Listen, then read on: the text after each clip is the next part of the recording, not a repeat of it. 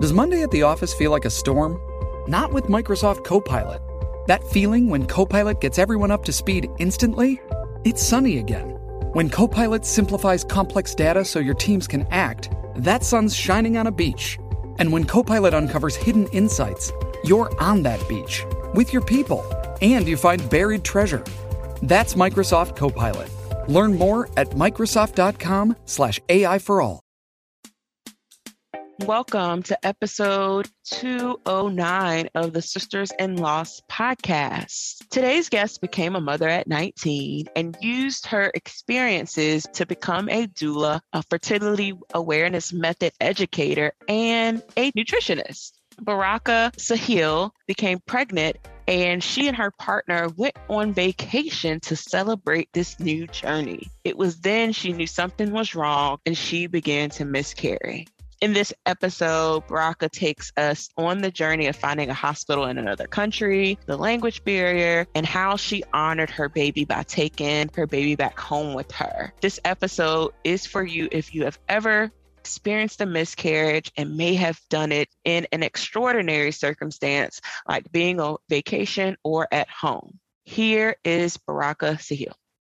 Welcome, Baraka, to the podcast.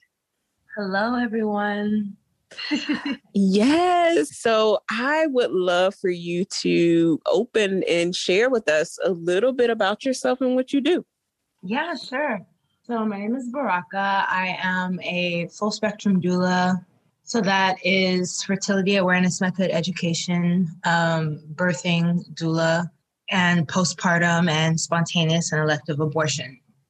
I I basically guide and explore with a woman throughout all cycles of like her feminine health journey, I would say.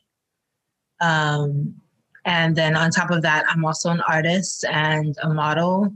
And so um, I consider myself like a really multidimensional person in that way. And, um, but I mean, at the end of the day, the goal is to always be not just someone's inspiration, but also to help other people really just learn themselves. I think like a lot of the bigger problems that are going on in the world are a lack of understanding of self. It's not really we're, you know, fighting other people. Sometimes we're fighting our own internal struggles. So if I can help women like gain alignment in a holistic way, then um, it just kind of spreads a ripple effect for the entire world, you know? yes. And we met back in, I want to say it was June, was it June 2019? It was. Um, June, 2019. June 2019. Yeah, at the um, Doula Training International Conference. Yes, in Austin. And you're actually from Texas too, right? Yeah, mm-hmm. I grew. So I'm I'm originally from Trinidad, but I I grew up in Texas, in Houston and went to college in Austin. So I live in Austin. So. Gotcha. And that's kind of how we met. I remember I was like, I don't think she's staying with us um, when we were staying at the time. But yeah, so we met at the DTI conference. Obviously, you know, um, all the Black birth workers kind of congregated together and we, we definitely, definitely. We're like, oh, yeah, like everyone who was a Black woman at that event, like I know them now. Right, exactly. Like we knew each other, we exchanged information. Like we were just like, all right, we're gonna be friends on Facebook, on Instagram, all the places. Right. Just to stay in contact. And, and, then obviously, you know, they went virtual in 2020, 2020. And I don't know if they're doing the conference again in 2021. I assume that they are um, but they probably are still going to have some virtual aspect of it. But yeah, so I knew then about your story, but obviously, you know, the stars and everything aligned for us to have the opportunity to share it here um, now at this time. And I would love for you to just take us back on your journey to motherhood and share with us your lost story. Yeah. So, wow, it's so it's so crazy thinking about that because when we met, like at the Born into this conference, I had just started an organization called Birthing Our Ancestors. And Birthing Our Ancestors is like a, it's a it's like a group space that I facilitate where for women who have experienced any type of womb trauma. So that's spontaneous elective abortion, that's rape, that's endometriosis, you know, all of these things, right? So the reason why I started it is because it actually started with me and a friend of mine, and me and her hadn't talked in a while. And in that period, I had went through my first spontaneous abortion or miscarriage, um, and she had just had her first abortion, and so uh, elective abortion, and so um, it's interesting because now I, I feel like this the story that we met on was like my experience with that loss, you know, and that transition. Instead of looking at these these souls as like losses, I should look at them more so as a transition because I mean, at the end of the day, on a spiritual level, like I don't own these beings, right? You know, we are given children to like raise them and take care of them and and nurture them into being great members of you know the universal society. But like it, it's not like it's not like we own them. That that's just something that is ingrained in us you know? So it's interesting because now i mean i'm actually three months now postpartum because I went into I was I like I was telling you I was pregnant again last year at the end of June and then um I went into preterm labor on a road trip with my partner while I was pregnant and um it was very different. It was a very different experience from loss that experience, you know, or transitions. So um it's really funny because now I feel like I have gotten over certain aspects of going into preterm labor. And you know, it's crazy because, uh, you know, I've read about preterm labor, you know, I'm a doula. So I've read about different scenarios to expect with births and understood that preterm labor was something that would happen, but I just never like to actually experience it is something so different. It's it's so different experiencing it. Um it's very confusing. It's very um i don't know you just feel so many different types of emotions like because i didn't even realize that um i had I was going into preterm labor until later. Tell us about that journey because I think that a lot of folks may not know who are listening what some of those signs and symptoms are that you realize that um you know as you were going along the way and then really after after you actually started to be in labor, you know? Right. Yeah, so I remember we went for so we were like I said we went on a like 2 week road trip me and my partner. We drove from Austin, Texas to Tijuana, Mexico. and at the time, I was five months pregnant. So, you know, I I I don't know. I feel like every woman is different in terms of this, but I mean, with my I have a six year old, and with my six year old, I traveled a lot when I was pregnant with him. So I I felt like, you know, we wanted to have like an experience together, like me and my partner, and you know, my pregnant baby, the baby I was pregnant with. So, um, anyways, the last night of our trip, um, we were in Taos, New Mexico. This is going to t- coming back from Tijuana, going back to Austin, and um, we spent the night there. And I remember the the date the day before, like before we went to sleep, we had went on this hike and it had snowed. It's like November, right? And um, it had snowed and it's all these hills and it's gorgeous. It's the mountains, it's the pine trees and the snow. It's beautiful, but it, it's like it's so cold. And I honestly, hate cold. I, I hate being cold. And I remember we went on this hike and I just started feeling really achy. And then we stopped at a grocery store right before we went back to our room. We stayed, we, we were staying at the Earthships in Taos, New Mexico, um, which is really cool. Everyone should check it out. It's like a self-sustaining home that was designed by like this architect in the 1970s and it basically has its own like gray water system and like rain collection system and it's it's really cool but anyways um we we went back we went back there and i remember telling him it's so cold it's so cold. And so we had like a fireplace we had like a fireplace inside of the room. And so he was putting wood in the fireplace and keeping it warm but i just kept feeling achy. So i was just like moving my body and doing yoga on a chair and like um moving my hips and in front of the fire. And I, I remember being like, I just need to lay down and go to sleep. So then I went to sleep and the whole night I kept waking up screaming, just in pain, in such pain. And I at first I it's it's so crazy because it's like, you know, we went for that walk at like probably 5 p.m. Around 6 p.m. I was like, started feeling like that achiness, right? And then, like, you know, between at some point between maybe like 10 p.m. and like 2 a.m., I was waking up out of my sleep like in full labor. It was, it was it like I, and so my phone was dead. I remember thinking, is this is this preterm labor? Like, am I in actual labor?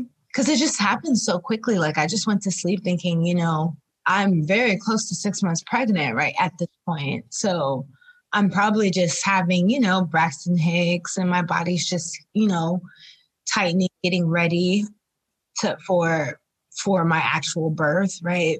And then I just kept I remember I kept thinking I was just like like laying in bed go, feeling like literal labor pains. I'm like i, I don't know. I, I think it's going to be okay. Just go back to sleep. And finally I, I i couldn't take it anymore. The intensity was so intense and i started counting down on how long my contractions were.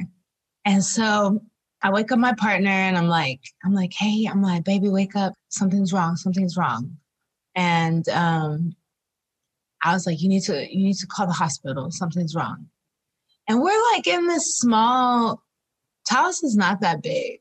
There there's literally there was literally only one hospital. Luckily it was only 5 minutes away. But there was only one hospital. You know, and so I turned over and I looked I looked on the phone. My phone was dead. So then I I got his phone and I'm like, what are the symptoms of preterm labor?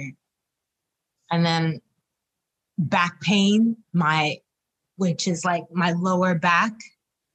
Um, it's like burning, literally burning, just like regular labor.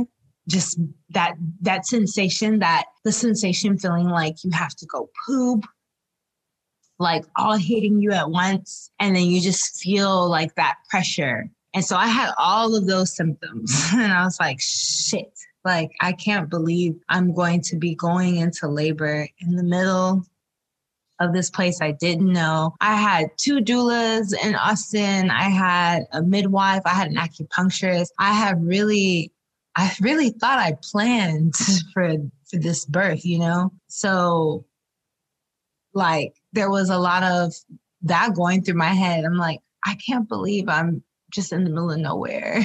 and this is how I'm going to have this baby. And then I started getting the anxiety of like, oh my God, like, I'm like, what are the hospital reviews? I'm, I'm like a black woman in this small town. Like, is, is this going to be like a horror story? It was just, all of those things were just like going through my mind. And it was really, it was a really crazy, crazy experience.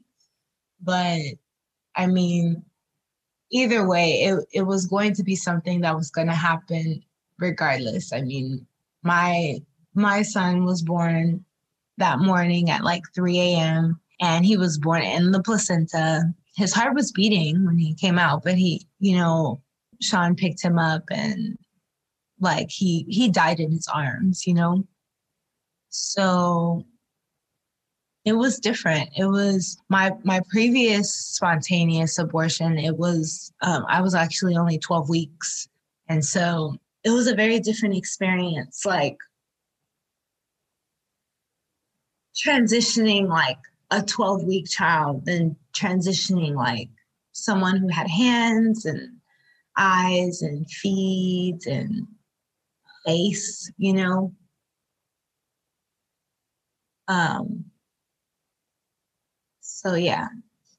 Yeah. So what what did you all do? Did you all do any rituals or I mean, obviously you were in an, uh, another state, so were you able to do anything? Um, have you know take the remains? You know what what were you able to do with with with their baby? I I think that that's so tough to do, especially when you go out of town and you know you're just going for vacation and you experience this this loss it's kind of you're kind of almost frozen in time on on the next steps you know yeah definitely definitely frozen yeah that was that was something i kept because me and sean were both just like i mean we were depressed for like two months like very in deep depression for like two months and that was something that kept coming up for me was like I can't feel anything. Like like I just can't feel anything. Like my whole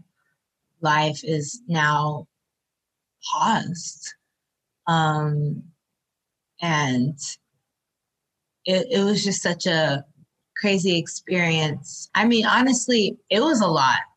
It, it really was a lot, girl, because I mean, we're in another state. So and we have to like get back to Texas, right? And so um, they wanted us to do all this paperwork. Originally, when we first were in the hospital, someone had came in from some office like in Santa Fe, which is like a little bit south of where we were, like southwest of where we were. Um, but it's like, you know, the major city in New Mexico. And so they wanted because because he was over 20 weeks they have to like they wanted to do like an autopsy and like cut up his body oh girl it was like it was just so we, we were just like oh my god like anything but that and then it would have been like this whole three day process where they would have to like drive his body up to Santa Fe and then we would have to drive to Santa. It was just going to be such a thing. And so eventually we didn't have to do that because one of the funeral directors came up to the hospital to talk to us and um, he also talked to this department who wanted to do an autopsy on our baby and um, they ended up like saving us that headache and so in order to legally like take his body across state lines, we had to either cremate him or um, put him in embalming fluid. And so, um, I mean, embalm him. And so it was, that was such a weird thing too, because it's like, you know, we had just had the baby and we're, we're very like spiritual and my partner is like, he was like raised Hindu. So like, we we hadn't decided exactly how we wanted to release you know because we honestly i feel like a big part of us hadn't released him ourselves you know like we hadn't released the idea that we were like having a child you know it, it's just one of those crazy things where you're like wow i i'm attached to something that i haven't met or even truly know what to exist, you know? Like, because I mean, I feel like when you're pregnant for women, like, you know, we, we have this very in tune relationship with our children because they literally grow inside of our bodies. And so having that experience makes us, um, it just makes us feel more connection to to things that to things that we we can't see with our eyes you know it just was re- it was really hard so we we didn't we we didn't know what we wanted to do right away. So instead we just like had him embalmed because we were like, okay. But I was worried about embalming him because, you know, we a part of us were like, we we had talked about releasing his body in the river, like here. But then we were like, well,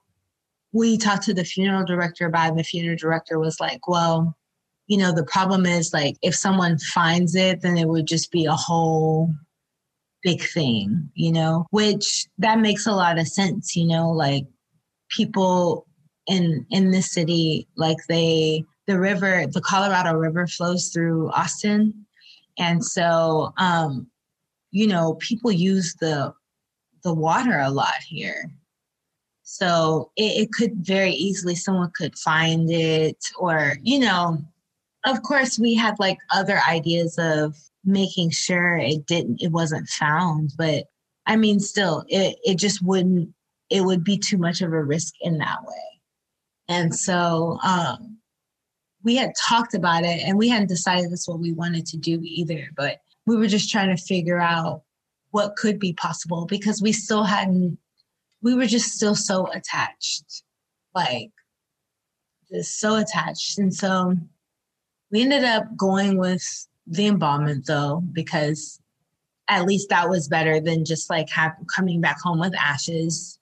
And it was it was a weird experience. You know, we we spent probably four days. No, maybe not four days. Maybe no, that's not true. Maybe like two or three days we spent with the baby in the house we kept him under our altar until because the process was with the funeral home because eventually we did decide that we were going to cremate him. And so the funeral home their process is they they come and get the body and then they keep the body like in their facilities until the cremation.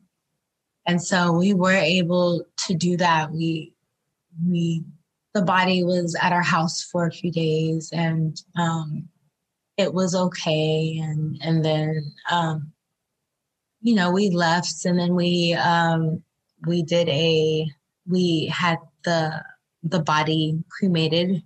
And then me and sean did a um, we just did like a spiritual cleansing and ritual by this tree. There's a a tree that's like off the banks. It looks like it's probably 300 years old. It's really big tree.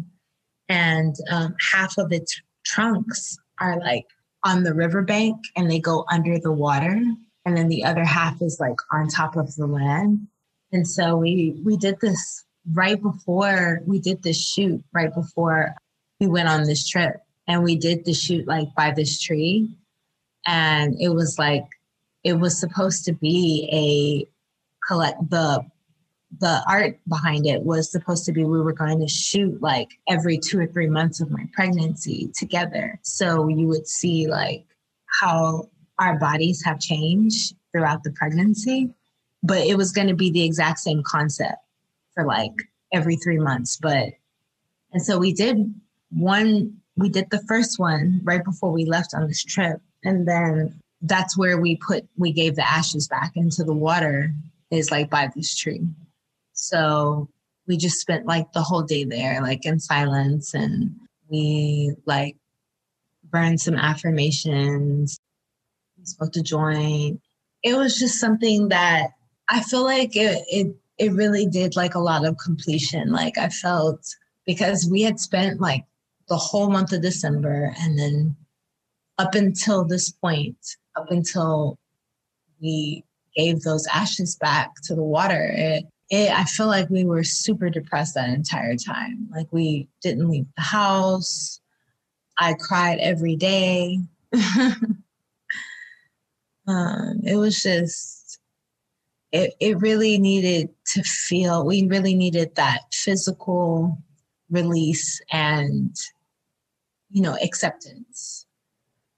We were different after that. So no, I love I love that you shared that part of the journey because obviously we don't talk we don't talk a lot about what a lot of folks do as far as rituals and things in the postpartum period. So for you all to have that opportunity as you grieved over the last few months and then now be able to release um, and you know put his ashes back to the to the earth i truly believe that we all have to have that physical manifestation of being able to release and truly grieve our losses. And it may look like you know returning ashes or it may look differently like releasing a balloon in the sky or you know, um, having some other outlet that you focus on. Um, so I would love for you to really share with us how has your postpartum journey been up until now, you know, as you navigated those first few weeks up until, you know, kind of where you are now? Yeah, I mean, man, postpartum journey is, it's, man, it is really a journey. it's really a journey. I mean, like, I mean, just the simple fact. So, something else I, for, I forgot to mention earlier. So, at the end of last year, I self published my first like literary piece. And so, it's called the 28 Day Moon Journal. And so, it's like a journal like I was telling you, I do a lot of a part, a big part of like what I do with my doula work is I do fertility awareness method coaching. And so fertility awareness method is just which being able to use cervical fluid, basal temperature, or waking temperature and cervical position to kind of tell where you are within your cycle. And so you can use it as like a birth control or like you can use it as a way to get pregnant it's something that is a part of the 28 day moon journal so that you can track these things. But it doesn't just do that, it also tracks nutrition, it tracks like your dreams, like it has prompts for 29 days. So it does all of these tracking for you because I believe that like nutrition the moon cycle, the actual moon cycle, and um, where we are in the moon cycle, and you know your mental or emotional state and how much exercise you're doing all these things they they come into play with like how healthy women are right? That was something else that i started doing because i mean i published it at the end of the year when i was pregnant. So i couldn't use it because it's only it's it's designed only for people who are postpartum or people who are trying to get pregnant right? And so um it was interesting because I started using it right after we transitioned him. And um, I transitioned him on a full moon on the lunar eclipse, actually. And then um, my first period came the not the next full moon, but the full moon after that. So like it was two moon cycles. It took two moon cycles. And so before that, I already I bled like on full moons. Those were when not full moons, new moons are when I bled. And um, so my my cycle was like adjusted to the moon cycle. And so, but the last like two months, it's been like these periods that are so weird. Like they haven't been synchronized with the moon at all. And I've been extremely emotional. Um, prior to having uh, this last transition, I had I experienced a lot of really happy periods. I was one of those weird people where people are like, "Don't you don't you get cramps?" I'm like, "No." Like, like, don't you get like moody and like bitchy when you're in your period? And I'm like, no, I feel great. Like, I'm happy and I almost feel happier like when I'm on my period than like than when like I'm ovulating. I feel like I felt more emotional ovulating than I did on my period prior to this last transition. And I was telling Sean the other day because I actually just started my period like at the beginning of this week. And I was telling Sean the other day, I was like, you know, something's wrong. Like, and I think a big part of it is because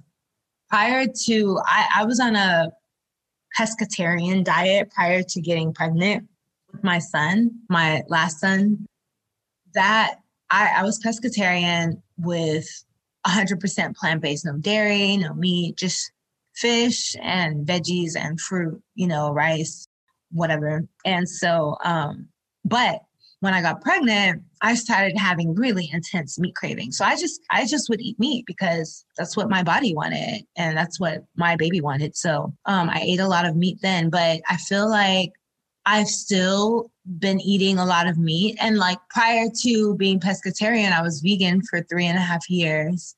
So I, I, I feel like my body is just going through like a lot of disassociation as well as just like my hormones are trying to regulate themselves.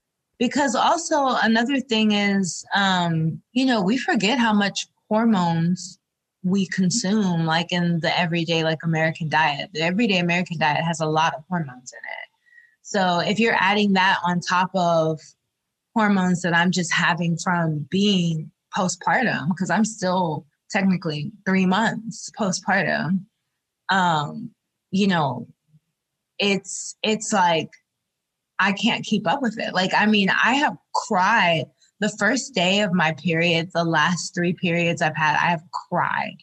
I have gone through like an intense day of just crying like and I'm I'm sad and I'm triggered and I'm just and it's directly related to like my hormones like and i mean obviously like every life's not perfect so i mean it's not like i'm just crying for no reason but i mean also you know a lot of it predominantly is it's my hormones. So my plan is to continue using my journal and to clean up my diet from meat um, again in a very holistic way um, and then you know bringing back like more prayer more meditation into my life and ashwagandha. So that's something else. Um, i have lupus. And so um, it affects me on like an inflammatory level where sometimes my body just like attacks itself and it causes like these my joints to get all inflamed.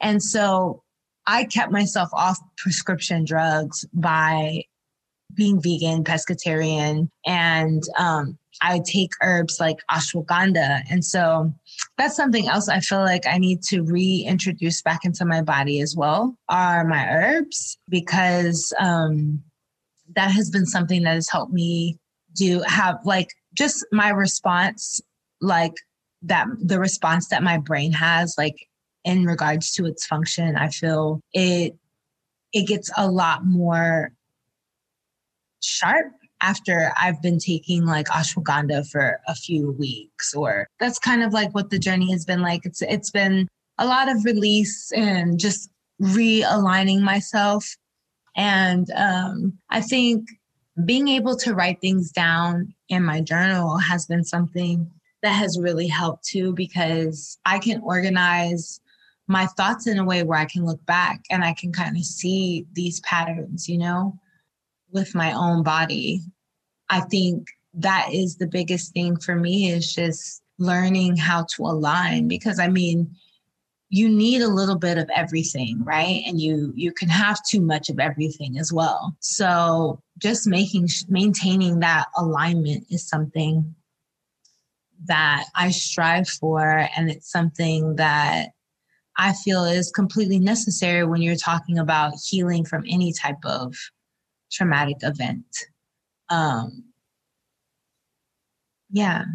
no, I, I absolutely love all that you said around mm-hmm. how you're healing. You really explained a lot about the fertility awareness method, which we are 100% components of here, and um, how that aligns with your diet, your nutrition, your hormone level. And I hope that for those who are listening, really take away from this part of the conversation is that, you know, really um, she's in tune with her body enough to know what her body needs at the time frame and really trying to switch things up in her diet and her nutrition to see if that makes her feel better. You know, you talked about the herb ashwagandha, you know, there's so many benefits from that. Um, besides the energy and things, I mean, there's so many other benefits from, from it as well. So I, I love that you talked about that and how that's been helping you out and helping you really navigate grief and healing journey that you're on. So I would love for you to just leave our our listeners some encouraging words um, as they navigate their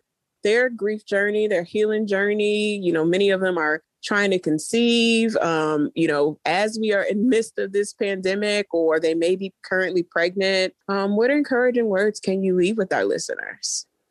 Yeah, um, I um, so we had we had a midwife, and um, she she came by probably two weeks after we had came back from our trip, and um, you know after we had a transition our son, and she said she believes that God, whoever that is to whoever you are, puts people in your life in times of trauma um, in order for you to see who you're supposed to work with, like in times of greatness. And um, I think that is something to be said and something to be understood because sometimes we look at traumatic things that happen to us and we're we're so in pain by it that it, it starts to mess with us like but it's it's really the pain behind it is your ego you know because if you if you're really looking at some situations especially traumatic ones they they always have a other side to that coin that um, that brings a certain awareness that gives you a lot of peace. So um, always being thankful for that side of it as well. That's what I would say for you guys. Yes, I love it. So, where can our listeners connect with you after this episode? They can connect with me on my website. Um, you can subscribe to www.iambaraka. And I'm also facilitating um, four retreats this year in different countries, um, Costa Rica, Kenya, and uh, Texas. So um, connect with me there as well that's something that I feel would go into more details and in more depth um, with different parts of people's experience. Yeah. So thank you so much for being on the podcast and um, connected back with me, you know, almost two years later. I know. Sharing your story with with us. Um, I know that um, a lot of the listeners will be able to definitely draw from your healing and your experience. And I know that they will find some solace in knowing that they're not alone on this journey. So thank you so much for sharing. Definitely. Definitely. I really, I love to share. So thank you for having me, Erica. You are so welcome. Thank you so much for listening to today's episode. There are so many ways to connect with the Sisters in Loss community. Join our monthly support group, our Sisters in Loss Healing Collective at sistersinlosshealing.com. Join our free Facebook group at sistersinloss.com forward slash community or text sisters to 797979 to download your free journal to healing ebook. That is sisters to 797979 to download your free journal to healing ebook. Follow us on Instagram and Facebook at Sisters in Loss and subscribe to our YouTube channel. Yeah, girl, we on YouTube at Sisters in Loss TV. We love you for listening. Keep the faith. Until next time, this is Erica, and I'll talk to you soon.